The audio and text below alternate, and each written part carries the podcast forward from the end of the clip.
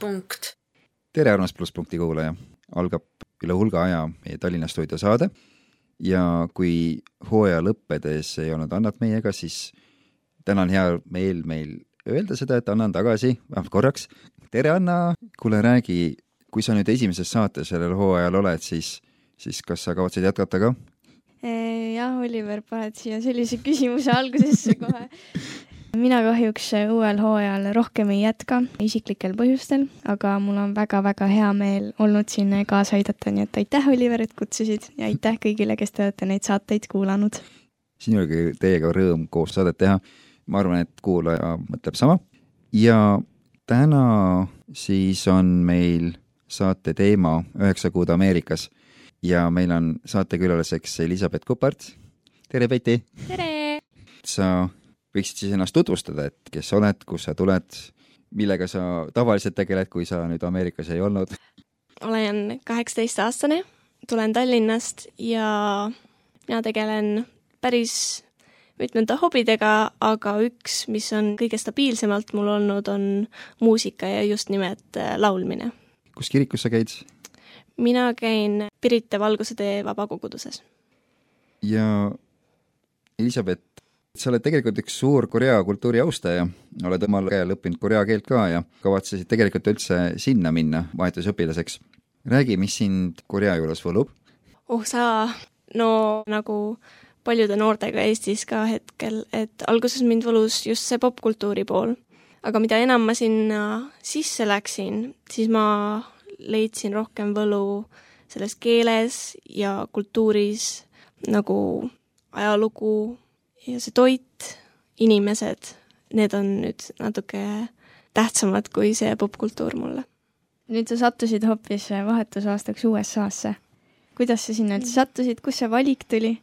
jah, kui sa suur Korea fänn oled no tegelikult ma pidingi Koreasse minema ja ma olin nii kurb, kui alguses öeldi, et sina nüüd sinna minna ei saa, sellepärast et koroona tõttu ei saanud Korea viisat taotleda ja siis öeldigi, et okei okay,, kas sa valid uue riigi või jätame üldse ära. ja siis mõtlesin, et okei okay,, et uut keelt ma väga õppida ei taha, et kas Ameerika või Inglismaa. aga Inglismaal mul on tunne, et seal see ilm on hästi vihmane ja mõtlesin, et ei, seda ei taha, et ikka läheb Ameerikasse küsisid sa enne, kui uut riiki valisid Jumalalt ka abi, et millist valida, milline see kõige õigem siis on, kuhu oled sina kutsutud? Ma niimoodi otseselt hetkel ei mäleta, et kas ma oleksin küsinud, aga nüüd, kui ma pärast sellele aastale tagasi vaatan, siis ma tean, et see oli niimoodi jumala muhelus mulle, et äh, isegi kui alguses oli täiega kurb valida teine riik, siis nüüd ma vaatan, et äh, ma ei oleks seda tahtnud teistpidi. lihtsalt kõik, mis seal toimus, kõik, mis ma seal pidin läbi elama, kõik see oli jumala juhitud ja praegu ma tunnen ennast nagu täiesti teise inimesena mida ma ei ole kindel, et ma oleksin Koreast niimoodi saanud. kus sa täpsemalt seal USA-s siis olid ja millised olid üldse sinu esimesed muljed, kui sa lennukist maha astusid? mina olin Ohios, täpsemalt siis väikeses linnas nimega Laima ja noh, alguses, kui me seal Laimas nii-öelda ringi sõitsime, siis tundus küll, et appikene, see on ei kuskil, et eestlasele tundub maha jäetud mina ütlesin kohe, et see näeb välja nagu see linn autode multikas. Et selline mahajäetud ja natuke viletsas seisus. Mul endal nüüd hiljuti on miskipärast ka mitmed sõbrad Ameerikasse sattunud, üks käis maailmameistrivõistlustel ja ühed on niisama seal ka vahetuspere juures ja üks sõbranna ütleski, et seal põhimõtteliselt autode liiklus oli väga suur, et haruldane oli näha jalakäijat või jalgratturit või kedagi sellist, et kuidas oli Ohios? Ega see oli, see oli umbes samamoodi, et jala väga keegi ei läinud, kui oli selline suur parkla, kus oli siis mitu erinevat poodi ümberringi, siis tavaliselt eestlased kõnniksid sellelt ühelt poolt teisele poole. aga noh, ameeriklastel kombeks on see, et sa sõidad autoga ühe poe mm. ukse ette ja siis tuled sealt välja ja lähed, sõidad autoga teisele poole parklat teise ukse juurde. Vau, päris nii, okei okay. ja, ja noh kõnniteed on ikka poole väiksemad. aga kuidas sina seal liiklesid, sul ju endal autot ilmselt ei, ei olnud? ole. ja sellepärast oligi alguses mul natukene imelikud tunded, et natuke nagu vangis oli, et mm. kuhugi ei saa minna, välja arvatud, kui keegi siis sõidutab piirkond on ka piisavalt ohtlik, et jala üksinda kooli julgeb kõndida, aga sealt edasi või kuhugi mujale läheb juba ohtlikuks. aga sul oli väga toetav võõrustaja ämps, et räägi sellest perest, et kuidas nad sind vastu võtsid ja kuidas nad olid?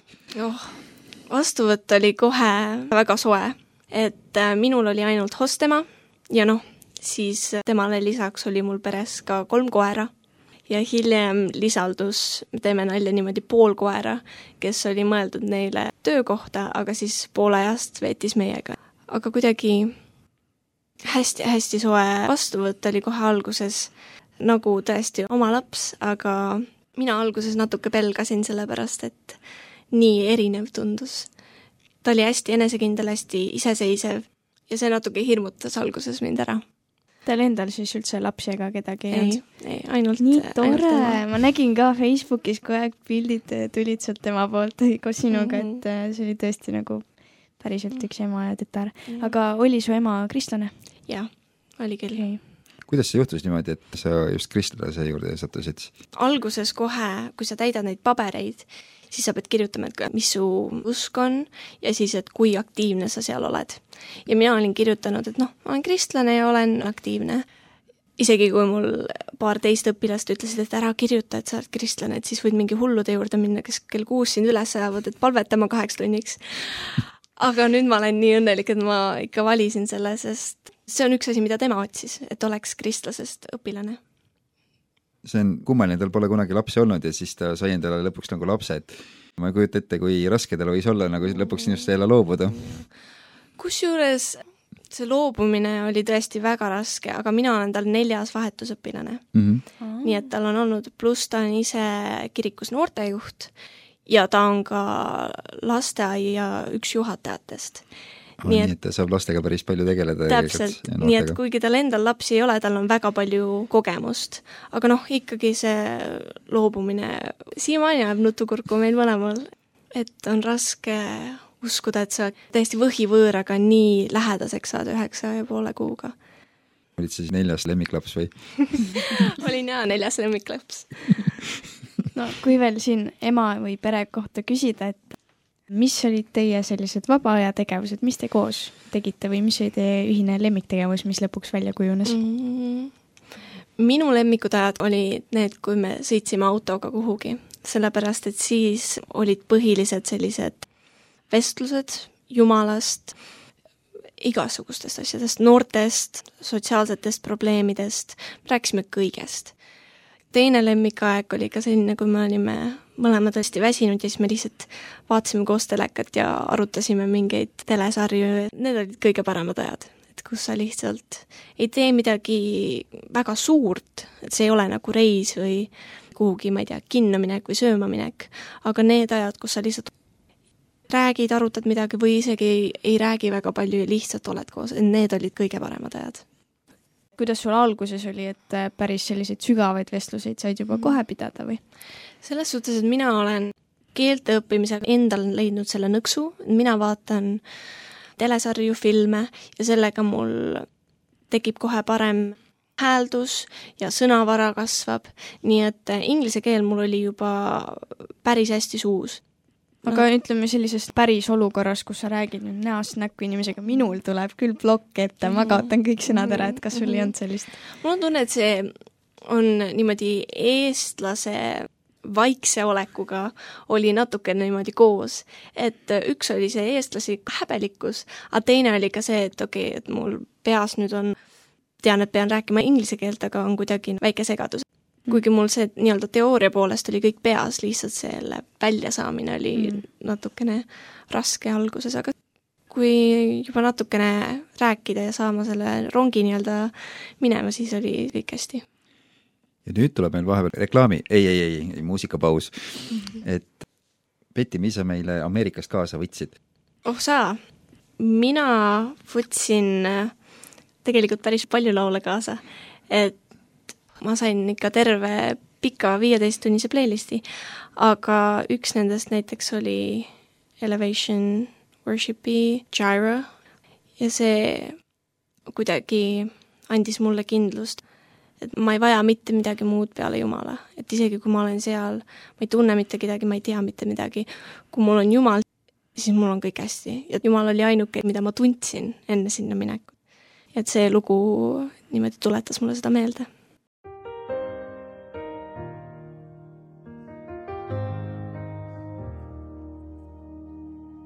I'll never be more loved than I am right. Wasn't holding you up, so there's nothing I can do to let you down. It doesn't take a trophy to make you proud. I'll never be more loved than I am right now. Ooh.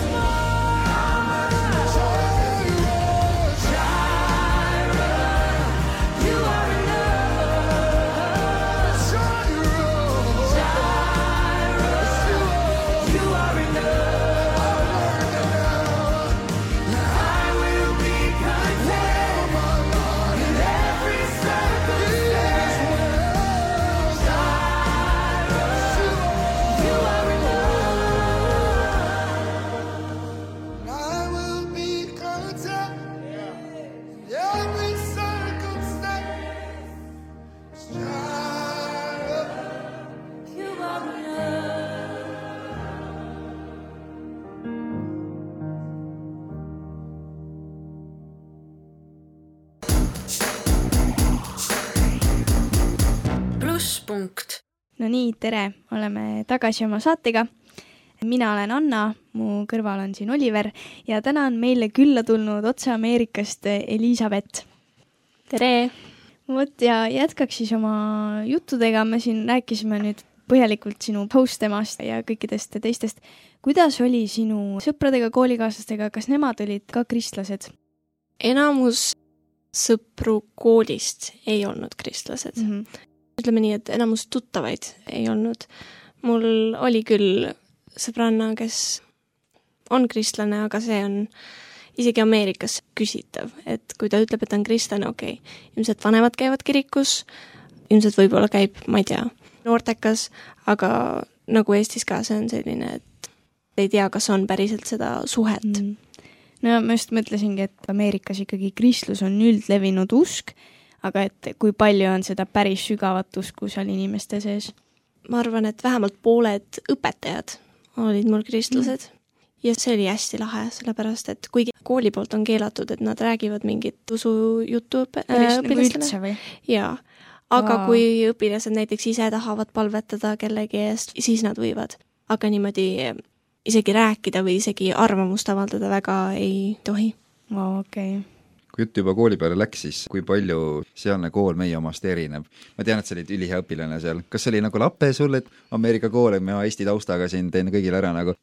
suhteliselt lihtne oli ja see oli mul täiesti puhkamise aasta. võtame näiteks anatoomia, seal põhiliselt sa hindad värvimise eest ja siis noh, appikene, oleks anatoomias, viied kogu aeg või A-d. täpselt, anatoomias oli ka näiteks see, et noh, ta andis alati nädala aja asju ära, mul oli tavaliselt teisipäevaks äh, nagu pooleks tunniks oli äh, tehtud kõik asjad nädalaks Wow. ja noh, tunnid on iga päev, samad tunnid. palju keskmiselt päevas oli neid? mul oli iga päev seitse tundi ja neil ei muutu tunniplaan. Neil on iga päev täpselt samad tunnid, täpselt samadel kellaaegadel no kuidas seal süsteem on, oota, kas sa käisid high school'is, eks mm? -hmm. jah. ja seal ei ole ju vist nagu klassi kui sellist või? ei ole hea, et mina olin junior ja nende high school on niimoodi, et sa iga aasta valid mingisugused ained omale Mm. ja ükskõik, millal sa need ära teed. minu tuttavad näiteks on vennad, üks on üheksandik ja teine on kaheteistkümnendik ja nemad olid ühes ja samas tunnis koos. sul on lihtsalt antud list, et okei okay,, sa pead neli aastat läbima matat, ma ei tea, ühe aasta seda, kaks aastat seda ja siis sa ise põhimõtteliselt valid, kas sa teed neid asju üheksandas või sa teed kaheteistkümnendas. nii et ühes tunnis mul olid enamus üheksandikud minuga koos, teises tunnis olid kümnendikud, üheteistkümnendikud, paar kaheteistkümnendikku, nii et need on nagu kõik, kõik lihtsalt kokku pandud. no Eestis me teame, kuidas koolitoit maitseb, milline oli Ameerikas? Ameerikas mul on tunne, et natukene halvem. maitse poolest oli okei okay,, aga see, mida seal sulle toideti, jah, ma tahtsingi just küsida, kas sa olid nagu nüüd Mm. purksi dieedil terve see üheksa kuud? aga vahepeal nädal aega oligi purksiteed. said alati salati võtta, aga see oli põhimõtteliselt nagu kapsas ilustustega. et see salat ei olnud üldse nii, nii hea, nagu siin Eestis on näiteks. aga muidu oligi burger, said ise valida natuke sinna salatit vahepeal, paar tomativiilu juurde panna. või siis olid mingid makaronid või siis anti krõpsupakk ja anti hakkliha natukene ja mingit äh, juustu ja siis hapukoort. ja põhimõtteliselt, kuidas sa seda sööd, on niimoodi, et sa teed need krõpsud katki, paned selle kõik sinna krõpsupaki sisse ja sööd niimoodi krõpsupaki seest. uh, Vau, vot sellist asja ma ei ole enne kuulnud. ma ei ole ka. ma olin päris üllatunud palju nad eh, kodus viitsivad süüa teha või palju käib Mehhiko pitsapoiss ukse taga? mm,. oh sa, enamus päevadel me käisime kusagil väljas söömas ja söögi tegemine on Eestist väga erinev. sellepärast, et Eestis me ikka mõtleme, et okei okay,, ma ostan ikka päris kurgid ja ma ostan ikka, ikka päris liha ja need asjad. Ameerikas enamik toidu tegemine on külmutatud toidu soojaks tegemine. et sa ostad mingeid külmutatud toite, paned need omale sinna sügavkülma ja siis, kui sa nii-öelda hakkad süüa tegema, siis sa võtad need ilusti välja, klopsid mingisugused asjad kokku ja paned mm, kas mikrolaineahju või, või vahepeal päris ahju. et see on see põhiline söögi tegemine. aga meisterdasid sa mõnikord ise oma host emale ka midagi Eesti pärast või midagi sarnast, et näe, ma ise tegin nüüd? mina ise kööki ei saanudki niimoodi või noh, ükskord me tegime brownisid koos, aga see oli ka noh, nagu ameerikalik kokkamine. et äh, niimoodi ma le- talle süüa teha ei saanud, aga ma tõin näiteks Eesti leiba ja Eesti šokolaade. Neile hullult meeldis valge šokolaad äh, mustikatega. kõik armastasid seda. vanemad saatsid poole aasta pealt pakiga juurde seda valget šokolaadi. ja leib? leib oli enam-vähem, leib neile maitses, aga see ei jätnud nii suurt muljet mm.. aga ma mõtlen just, et äh, mina, kes ma olen gluteenitalumatu, et vist siis väga Ameerikasse ei kipu või kuidas seal on, et kusjuures alguses ma mõtlesin ka, et noh, et äh, saab salati peal selle üheksa pool kuud, aga ei, ikka seal enamik asi on kas pitsa, pasta, burger ja et kui sa tahad tervislikumalt süüa, siis sa pead ise väga palju rohkem raha kaasa võtma, sest see on ka üks asi, et äh, minu arust tema ei olnud vaene, vaene, aga ta oli selline keskklass või natuke alla, selles suhtes, et see on raha teema ka mm.. paljud inimesed lihtsalt ei saa omal äh, lubada seda see orgaaniline toit tegelikult on lihtsalt niivõrd kallis, et täpselt. Okei okay,, sul pakutakse burgerit, aga kuidas see burger maitseb? see maitseb okeilt, selles suhtes okay., et see on täpselt selline, et sa sööd selle ära, sest kell on kaksteist ja sul on kella poole kuueni trenn ja sa lihtsalt muidu ei elaks seda päeva üle. aga kui valida saab, siis seda ei võta. mis Eesti toitudest sa kõige rohkem puudust tundsid? supist, kusjuures. kui ma tagasi tulin, siis ma palusin isalt teha sellist head kanasuppi koos musta leivaga, sõin seda, see oli nii hea. ma sain vist üks kord Ameerikas suppi ja see oli ka selline rohkem nagu kastme moodi või nagu selline natuke imelik eestlase jaoks, et nad üldse suppi ei söö. oli ainult ühest kindlast kohast, kus ma teadsin, et sai suppi. aga mingid muud asjad peale söögiasjad, et millistest Eesti asjadest sa üldse puudust tundsid? see on väga imelik nüüd, aga ma ütlen selle ikka, normaalsetest vetsudest. selles suhtes, et Ameerikas seal selle vetsu seina ja ukse vahel on ikka mingi selline, ma ei tea, neli senti vahet. nii et eh, iga inimene põhimõtteliselt saab sul sinna sisse piiluda ja näha, mis sa teed seal. ja ka põrandast ukse piirini on niimoodi, et põlved paistavad. Ja see oli alguses täiesti kohutav koolides, avalikes vetsudes äh,, igal pool. see oli paras šokk. kui palju sul oli koduigatsust ja kuidas te sellega võitlesite? no tegelikult väga palju koduigatsust ei olnudki ja see oli põhiliselt tänu sellele, et iga laupäev rääkisime oma perega Facetime'i teel, nii et me nägime ikkagi üksteise nägusid, saime kõik ära rääkida, mis rääkida on, nii et äh, tegelikult see koduigatsus tuli võib-olla alles viimasel nädalal, aga see oli ka pool selline elevus, et oh, ma lähen nüüd tagasi koju, et huvitav, kuidas see on muutunud ja et õnneks minul äh, koduigatsust väga palju ei olnud. palju sõbrad sind õnnistasid oma vestlustega, et tšau, Betty, mis sa teed ja nii edasi? kas kogu aeg oli kõll, kõll, kõll, kõll, kõll telefonis? Äh, selles suhtes isegi ei olnud, sellepärast et Eesti koolis õpilased õpivad. Eesti koolis nad saavad rohkem kui kaks korda nädalas kodutöid ja sõpradel mul tihtipeale oli kiire, et äh, nemad väga palju rääkida ei saanud, aga aeg-ajalt, aeg-ajalt ikka. nüüd on aeg, Betty, et sa jagaksid meile veel ühe muusikapala siia tänasesse saatesse. nii, minul üks muusikapala, mis mulle isiklikult toob naeratuse näole ja väga õnnelik olen, ma selle leidsin, on Casting Crowns, Crazy People. see põhimõtteliselt räägib, et kuidas sa pead ikka natukene olema väikse kiiksuga, et Jumalat niimoodi igal pool usaldada, et lihtsalt minna sinna, kuhu tema sind saadab. ja kohati ma tõesti tundsin seda, et natuke hull olen küll, et selle reisi ette võtsin ja et ma usaldan Jumalat oma eluga, oma nagu kõigega. sellepärast, et nagu ma juba ütlesin, Jumal oli põhimõtteliselt ainuke, millele ma sain toetuda.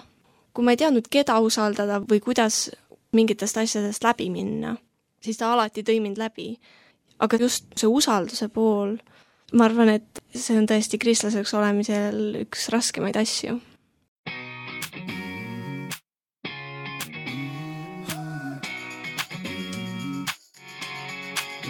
Who builds a boat with no clouds in sight? Who walks up to a giant and picks a fight? Who turns a lion's den into a petting zoo? Who can have church in a fiery furnace? Well, I'll tell you who. Crazy people trust in Jesus,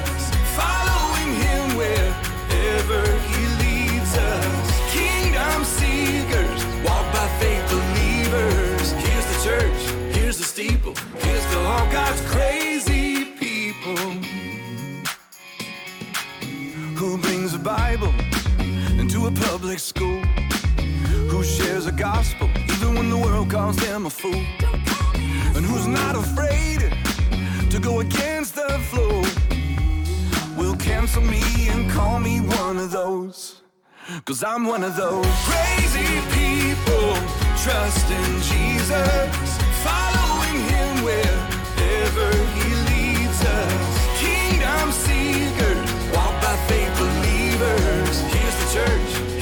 church, here's to all God's crazy people. I'm one of those crazy people who sees the world as a mission field. Who talks to Jesus like he's real. Who believes the words in red. Who says he's coming back again.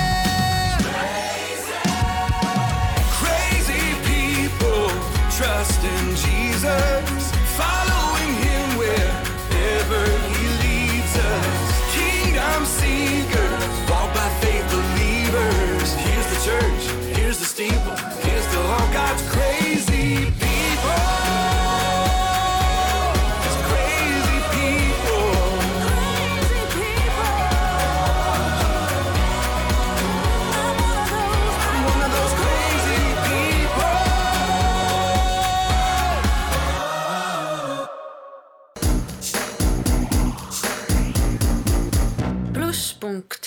ja jätkame saatega. täna on meie saate teema üheksa kuud Ameerikas ja saates on mina, Oliver, siis Anna ja külas on meil Elizabeth. kui me siin nüüd sinu koolilõunast rääkisime, sa mainisid, et noh, et ikkagi sööd selle ära, mis iganes seal pakutakse, et sul on pikk päev, et sa lähed trenni, mis hobidega sa tegelesid seal? minul oli kolm korda nädalas hommikuti kell seitse show choir, mis oli põhimõtteliselt nagu koor, aga meil oli ka koreograafia tantsuga. siis kell kaheksa iga hommik oli mul tavaline koor ja siis pärast kooli aasta alguses ma mängisin tennist sügise spordina ja siis talvel ja kevadel tegin kergejõustikut kas olid mingid sellised spordipäevad ka, ma nägin, et sa kuskil äh, rügasid joosta koos selliste tumedanahaliste tüdrukutega. Nendega vist oli raske joosta koos. oi appi. Ameerikas pannakse sind kohe võistlema. mina olin tennises ka natukene aega juba mänginud ja siis öeldi, et nii, nüüd hakkab season pihta. ja põhimõtteliselt sellised asjad nagu meet, mis ongi võistlused. ja siis, kui sa oled piisavalt hea, siis sa saad kuni osariigi võistlusteni välja. või siis nationals, mis on päris üleriiklik. Et äh, jaa, need ilmsed pildid, mis sa mul seal äh, nägid, kus ma jooksin, siis need olid ka kergejõustikuvõistlustel. nii tubli, kohe tegelesid, tundub, et kõigega. siin enne mainisid ka, et nüüd, kus sa oled Eestis tagasi, tahaksid saja asjaga tegeleda, mis sa nüüd siis Eestis uuesti ette võtaks, kas on midagi, mingi uus hobi, mille sa avastasid Ameerikas, et nüüd sa tahad Eestis ka jätkata seda? kusjuures on küll ja see nüüd kõlab väga imelikult, eriti eestlastele, aga tulistamine. selles suhtes, et üks tuttav kirikust viis mind tulistama, nagu ikka päris püssidega ja mulle nii meeldis, aga seal on selline sport, et põhimõtteliselt sa jooksed ühest baasist teise ja igas baasis on nagu erinev püss või püstol, mille sa kätte võtad ja siis sihtlaua peale pihta saad ja siis see on vist kiiruse ja täpsuse peale. et mitte laske suusatamine, vaid laske jooks. põhimõtteliselt jah, et see oli hästi äge kogemus. kus kirikus sa üldse käisid seal? mina käisin selline liik nagu Church of God, üle riigi on erinevaid Church of God selline üleriigiline kogudus siis. jaa, aga meie kindel kogudus, selle nimi oli Gardendale Church of God. ja see oli päris minu siin Eesti koduse kiriku sarnane. kõik ülesehitus ja ma just tahtsin küsida, et kui erinev on üks Ameerika kogudus Eesti kogudusest? jah, selline kirikukultuur, kuidas see erineb seal? selles suhtes minule tundus, et suht samamoodi, aga pastorid äh, minu siin Eesti kirikus läksid natuke rohkem sügavuti, aga seal oli hästi lihtne aru saada, et nagu piiblis on kirjas niimoodi ja see tähendab seda. ma kujutan ette, et vaadates, milline on üks keskmine Ameerika inimene, siis olid ka kõik ülistussessioonid ja asjad palju kuidagi tulisemad kui Eestis võib-olla või, või ei olnud? kusjuures äh, kuna minu koguduses oli enamus sellised vanemad härrad ja prouad ja valdavalt olid heledanahalised, siis meil oli seal suht niimoodi Rahulik. rahulik Okei. okay. ülistus ja külastasid sa mõnda muud kogudust ka lisaks sellele, kus sa muidu käisid? Kui me käisime reisil North Carolinas ja Georgias, siis tegelikult Elevationi see põhiline kirik on North Carolinas ja siis me käisime neil pühapäeva hommikusel teenistusel. ja see oli üks minu suurtest unistustest ja see oli tõesti väga lahe. mismoodi? ülistus oli väga vinge, sõna oli vinge, kusjuures see kirik ei olnud üldse nii suur. Neil on, on ju üks celebrity pastor, kes räägib erinevates kohtades, aga see osa, kui inimesed tema juurde niimoodi otse lähevad ja see suhe inimeste vahel on natuke puudulik, aga neil on ka niimoodi campus pastorid, igal erineval Elevationi kirikul on ka pastor, et nendega on nendel inimestel siis suhe, et see oli teistsugune kas ameeriklastel üldse, vähemalt selles kohas, kus sina olid, kuidagi suhtumine usku ja Kristusesse on ka teistsugune kui meil siin Eestis tavalistel inimestel? on küll, kindlasti saab sellest lihtsamalt rääkida, kindlasti on seal rohkem inimesi, kes äh, usuvad või kes on kuulnud. mul on tunne, et Eestis inimesed vahepeal ei ole isegi kokku puutunud usuteemadega, aga seal vähemalt keegi on midagi kuulnud, näinud ja päris palju oli tõesti kristlasi ümberringi aga tekkis sul ka võib-olla koolis või kuskil olukordi, kus ise jagasid Jumalast kellelegi? Koolis väga niimoodi selliseid olukordi ei tulnud, kui siis õpetajatega Mm. selles suhtes ma ennem ütlesin, et õpetajad ei tohi ise vestlust alustada, Mm. aga mulle meeldis mu inglise keele õpetaja, ta oli väga armas ja soe naine, nii et temaga me aeg-ajalt ikka rääkisime jumala teemadel ka. esimese vestluse ilmselt algatasin mina, aga siis ta teadis, et okei okay,, et temaga võib, et tema, tema ei võta seda kuidagi nagu mingit propagandat või imelikku juttu. Su jutu järgi tundub, et sul oli seal päris palju võimalust sügavat vestlust arendada. meil on selline ettekujutus, et ameeriklased on sellised hästi pinnapealsed, et nad teevad ainult kena naeratuse näole ja siis küsivad mingisuguseid eh, triviaalseid asju. et kuidas siis tegelikult on, on nad nii pinnapealsed? no reaalsus on see, et nad on sügavad, aga sa pead lihtsalt oma fakte kontrollima. et aeg-ajalt tuleb see sügavus ja tuleb see meelekindlus või opinion kusagilt mingi fakti pealt, mis ei ole üldse tõsi. näiteks noh, nad võivad väga kindlalt sulle öelda, et jaa, Euroopa on linn. ja nad ütlevad seda sellise näoga, et sa näed, et nad päriselt usuvad seda. kas seda oli palju, sest ma näen nii palju videoid mm, -hmm. kuidas Mhm. nad päriselt arvavad nii totraid asju, et kuidas Jaa, see ei. ongi nii ja. Euroopa on linn ja Aafrika on ja. riik. nojah, nagu on, ikka, nii ongi et see on lihtsalt näide, aga ka sellistel sügavatel teemadel, et see ei ole see, et neil ei ole arvamusi, oh, neil on palju arvamusi. aga sa pead lihtsalt teritama kõrva ja kuulama, et okei okay,, kas need arvamused tulevad päriselt õige koha pealt, sest vahepeal tulevad ja siis on väga kihvtid vestlused. ja kui ei tule õige koha pealt, siis noh, kui sa julged öelda, siis sa ütled välja, et see päris nii ei ole, aga kui sa ei julge öelda, siis sa ütled, et okei okay,, ma lasen sul lihtsalt olla ja arvata, nagu sa arvad, et ma lähen lihtsalt siia kõrvale. Kuidas seal üldse kommete ja viisakusega oli, sest minu, noh, seesama sõbranna, ta käis vist Floridas, et ütles põhimõtteliselt, äh, poes käis, läks kellelegi pihta, kohe kõik ütlesid sorry, sorry, sorry. Ja kui sa vastu ei öelnud talle, siis umbes öeldi sulle, ma ei hakka seda sõna ütlema praegu siin, et äh, kuidas seal oli see suhtumine võõrastega? selles suhtes küll, et kõik on hästi sõbralikud, enamus on hästi suure respektiga ja ongi niimoodi, et kui sa kellelegi pihta lähed või, või tahad mööda minna, siis on kogu aeg on nagu excuse me, excuse me, et alguses oligi natuke naljakas, et sa nagu vabandad enda seda olemist või enda seda nii-öelda õhu täitmist. aga hiljem oligi see, et okei okay,, sa ei taha inimestele ette jääda, sa ei taha kellelegi niimoodi silma jääda.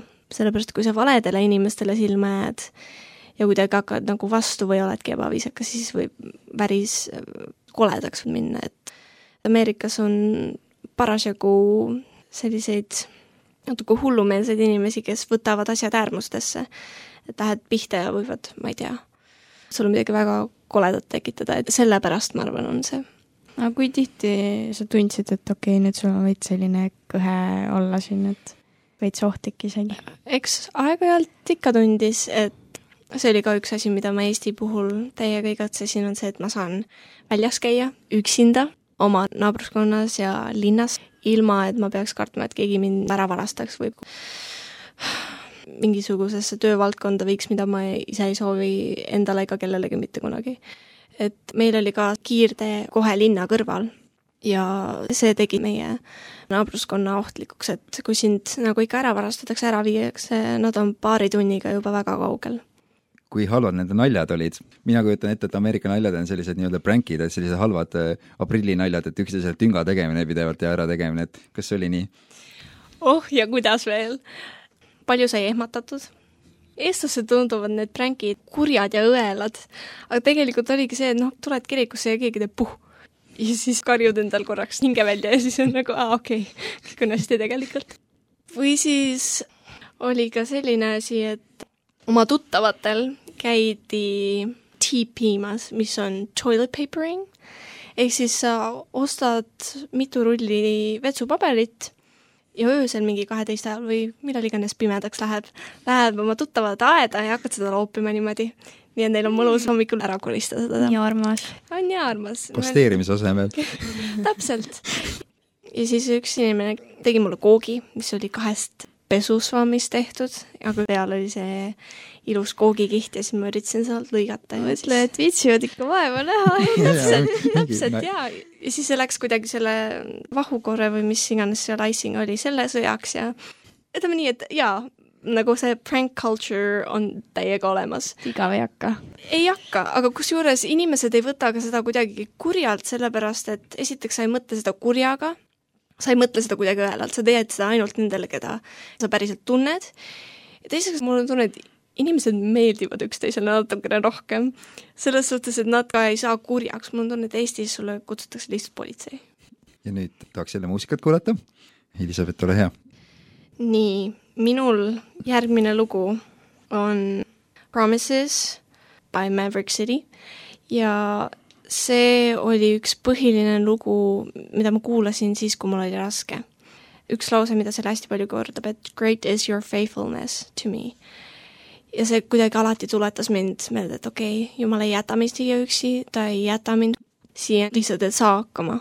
ta alati on minuga ja kui mul on mingid rasked hetked, kui ma kardan kohutavalt, sest noh, mingit toetunnet ju tegelikult ei ole, et siis ta on alati minuga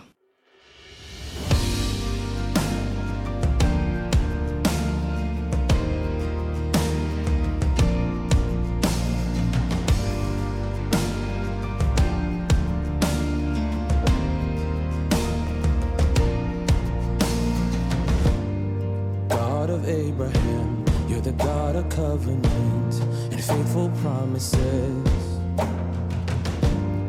Time and time again, you have proven you'll do just what you said. Though the storms may come and the winds may blow, I'll remain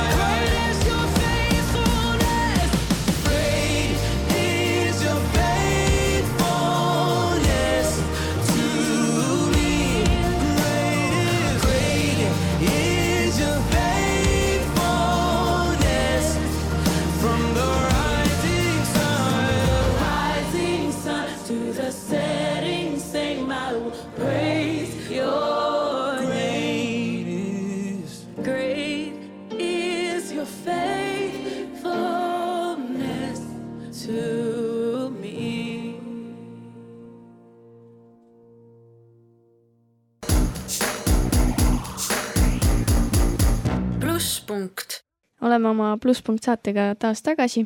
mina olen Anna, minu kõrval on Oliver ja meil on täna külas Elizabeth, kes veetis üheksa kuud Ameerikas ja on nüüdseks tagasi. kokkuvõttes, miks sa arvad, miks Jumal sind just USA-sse saatis? mina arvan, et see oli selleks, et ma leiaksin üles, kes, kes on see Elizabeth Kupart ja kes mina olen temas. et nüüd, kui ma olen tulnud tagasi siia Eestisse, ma tunnen ennast nii palju rohkem iseendana. ma tunnen, et ma olen julgem ja et mul on just julgus olla ise, nagu ma olen. et ma ei pea kõiki asju endas muutma, et Jumal armastab mind nii, nagu ma olen muidugi ta tahab, et inimesed paremaks muutuksid. aga et ma ei pea kuidagi ise väga proovima olla keegi, kes ma ei ole. ma saan olla see, kelleks ma olen loodud ja Jumal siis juhatab ja see kasvamisprotsess tegelikult on täiesti tema päralt. Need on need põhilised asjad, mis ma sellel aastal õppisin. aga mille kaudu või kuidas sa tunned, et Jumal sind seal kätte sai? kõige suurem faktor, kuidas ta sai mind kätte, oli minu host tema. sellepärast, et noh, tema on ka kristlane ja ta on hästi kindel, kes tema on, kes ta on Jumalas, kes Jumal on temale. ja tänu sellele Jumal õpetas mind, et okei okay,, et, et Beti, sa oled tegelikult selline. et sa saad lihtsalt olla sina ise ja lased Jumalal ennast õpetada ja ei piitsuta ennast kogu aeg, kui sa ei ole selline, nagu sa arvad, et sa peaks olema. mul sinna minnes oli täiesti selline nagu perfektne Betty enda peas loodud. ja siis Jumal ütles, et tead, osad need asjad ei ole reaalsed. osad need asjad ei saa kunagi olema sina, ei saa kunagi olema Betty. ja see lihtsalt vabastas ja tunnen ennast rohkem nagu laps. ma tunnen ennast rohkem nagu täiskasvanu, tunnen ennast rohkem nagu mina see on nii äge, et sa oled nagu korraga laps ja täiskasvanu, see kõlab täpselt nagu mina. aga kuidas sa tunned, et sa usus kasvasid teistmoodi, kui sa Eestis oleksid jäänud? Eestis on mul ju sõbrad, perekond, pastorid, kõik nii-öelda inimesed, kelle juurde ma saan kohe joosta. Ja seal, mitte et need inimesed oleksid ära kadunud, aga neid on lihtsalt raskem kätte saada. ja siis päris mitmel kohal Jumal pani mind ennast proovile, aga ta pani ka minu usu proovile. lihtsalt sa ei saa nii oma mugavustsoonist välja, kui sul on inimesed, kelle juures sa tunned ennast mugavalt kui ongi rasked olukorrad, olukorrad, kus sa ei taha sisse minna ja ainuke asi on see, et okei okay,, ma pean selle ära tegema ja mul on valik teha kas seda jumalaga või ilma. Ja ilma ma seda ei julge. nii et ainuke õige vastus sellele küsimusele ongi, et jumal, tee minuga seda koos. ma kujutan ette, et selle pika ajaga sa juba suutsid sinna Ameerika mulli sisse väga hästi sülandada, et kuidas oli Eestisse tagasi jõudes? jah, et eh, ma nägin sind juhuslikult, sa tulid mulle vastu vanalinnas, et jalutasime vanalinna tänavaid. milline see Eesti ja Tallinn siis tundus? Nii palju erinevaid emotsioone oli. alguses tundus, et ma olen ainult nädal aega ära olnud. aga samas selline segadus, et okei okay,, ma olen ainult nädal aega ära olnud, miks mina nii teistsugune olen, miks siin kõik teistsugune on, mingid asjad juurde ehitatud, ma ei tea, Viru keskus. no kust see tuli, et see on olnud nii palju aastaid samasugune ja siis järsku, kui mina lähen ära, siis nad muudavad. Ja mingisugused sellised kohad, kus ma peaaegu kogu oma kooliaja, mingi kümme aastat olen käinud ja samasugune olnud, siis nüüd, kui ma nagu üheksaks kuuks lähen ära, siis järsku on nagu ei jaa, Betty on nüüd läinud, teeme kõik uueks. või siis no need rattateed. jaa, sellised asjad, aga õnneks inimesed tunduvad samasugused, et see on vähemalt üks hea asi. kui nüüd inimestest rääkida, siis ma üldse olen imestanud, et ma sind siia saatesse sain kutsuda, et ma kujutasin ette, kui sa tagasi oled, siis on mingi tormijooksul, et kõik eh, sugulased ja sõbrad muudkui pukivad su aja täis. kas see oli niimoodi? kusjuures on küll niimoodi. aga sa õnneks kirjutasid piisavalt varakult, et siis oli veel aega. aga jaa, nüüd ma ei tea, vanavanemad, sõbrad, kõik ja mind ka vana klassijuhataja kutsus klassireisile kolmeks päevaks.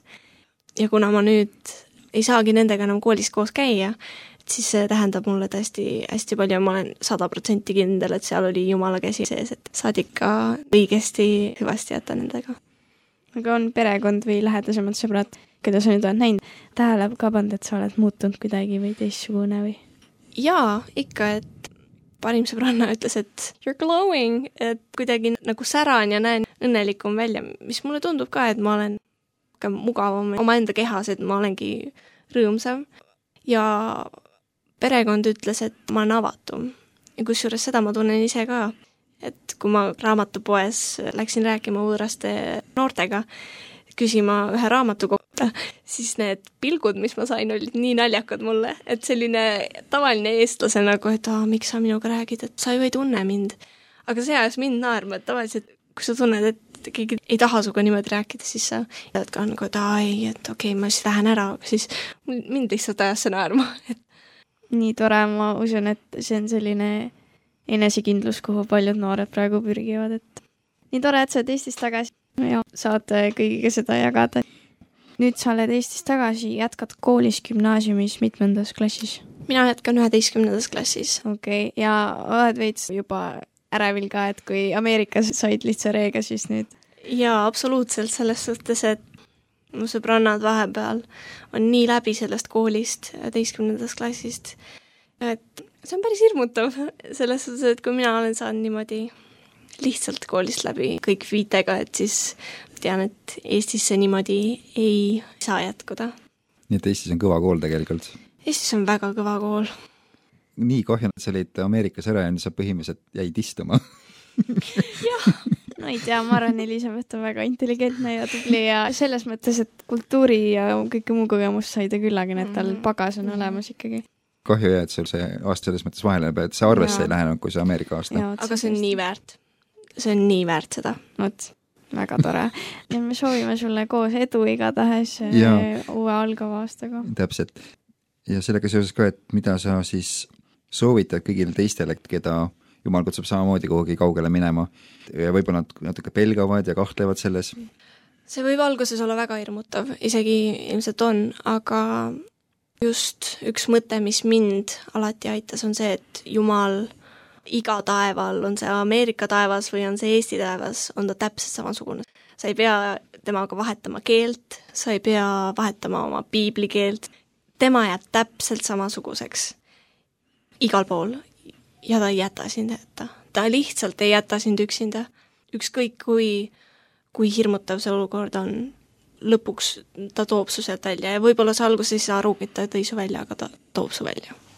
aamen. ja nüüd on jäänud meil lõpupalve ja siis sinu viimane lemmiklugu täna.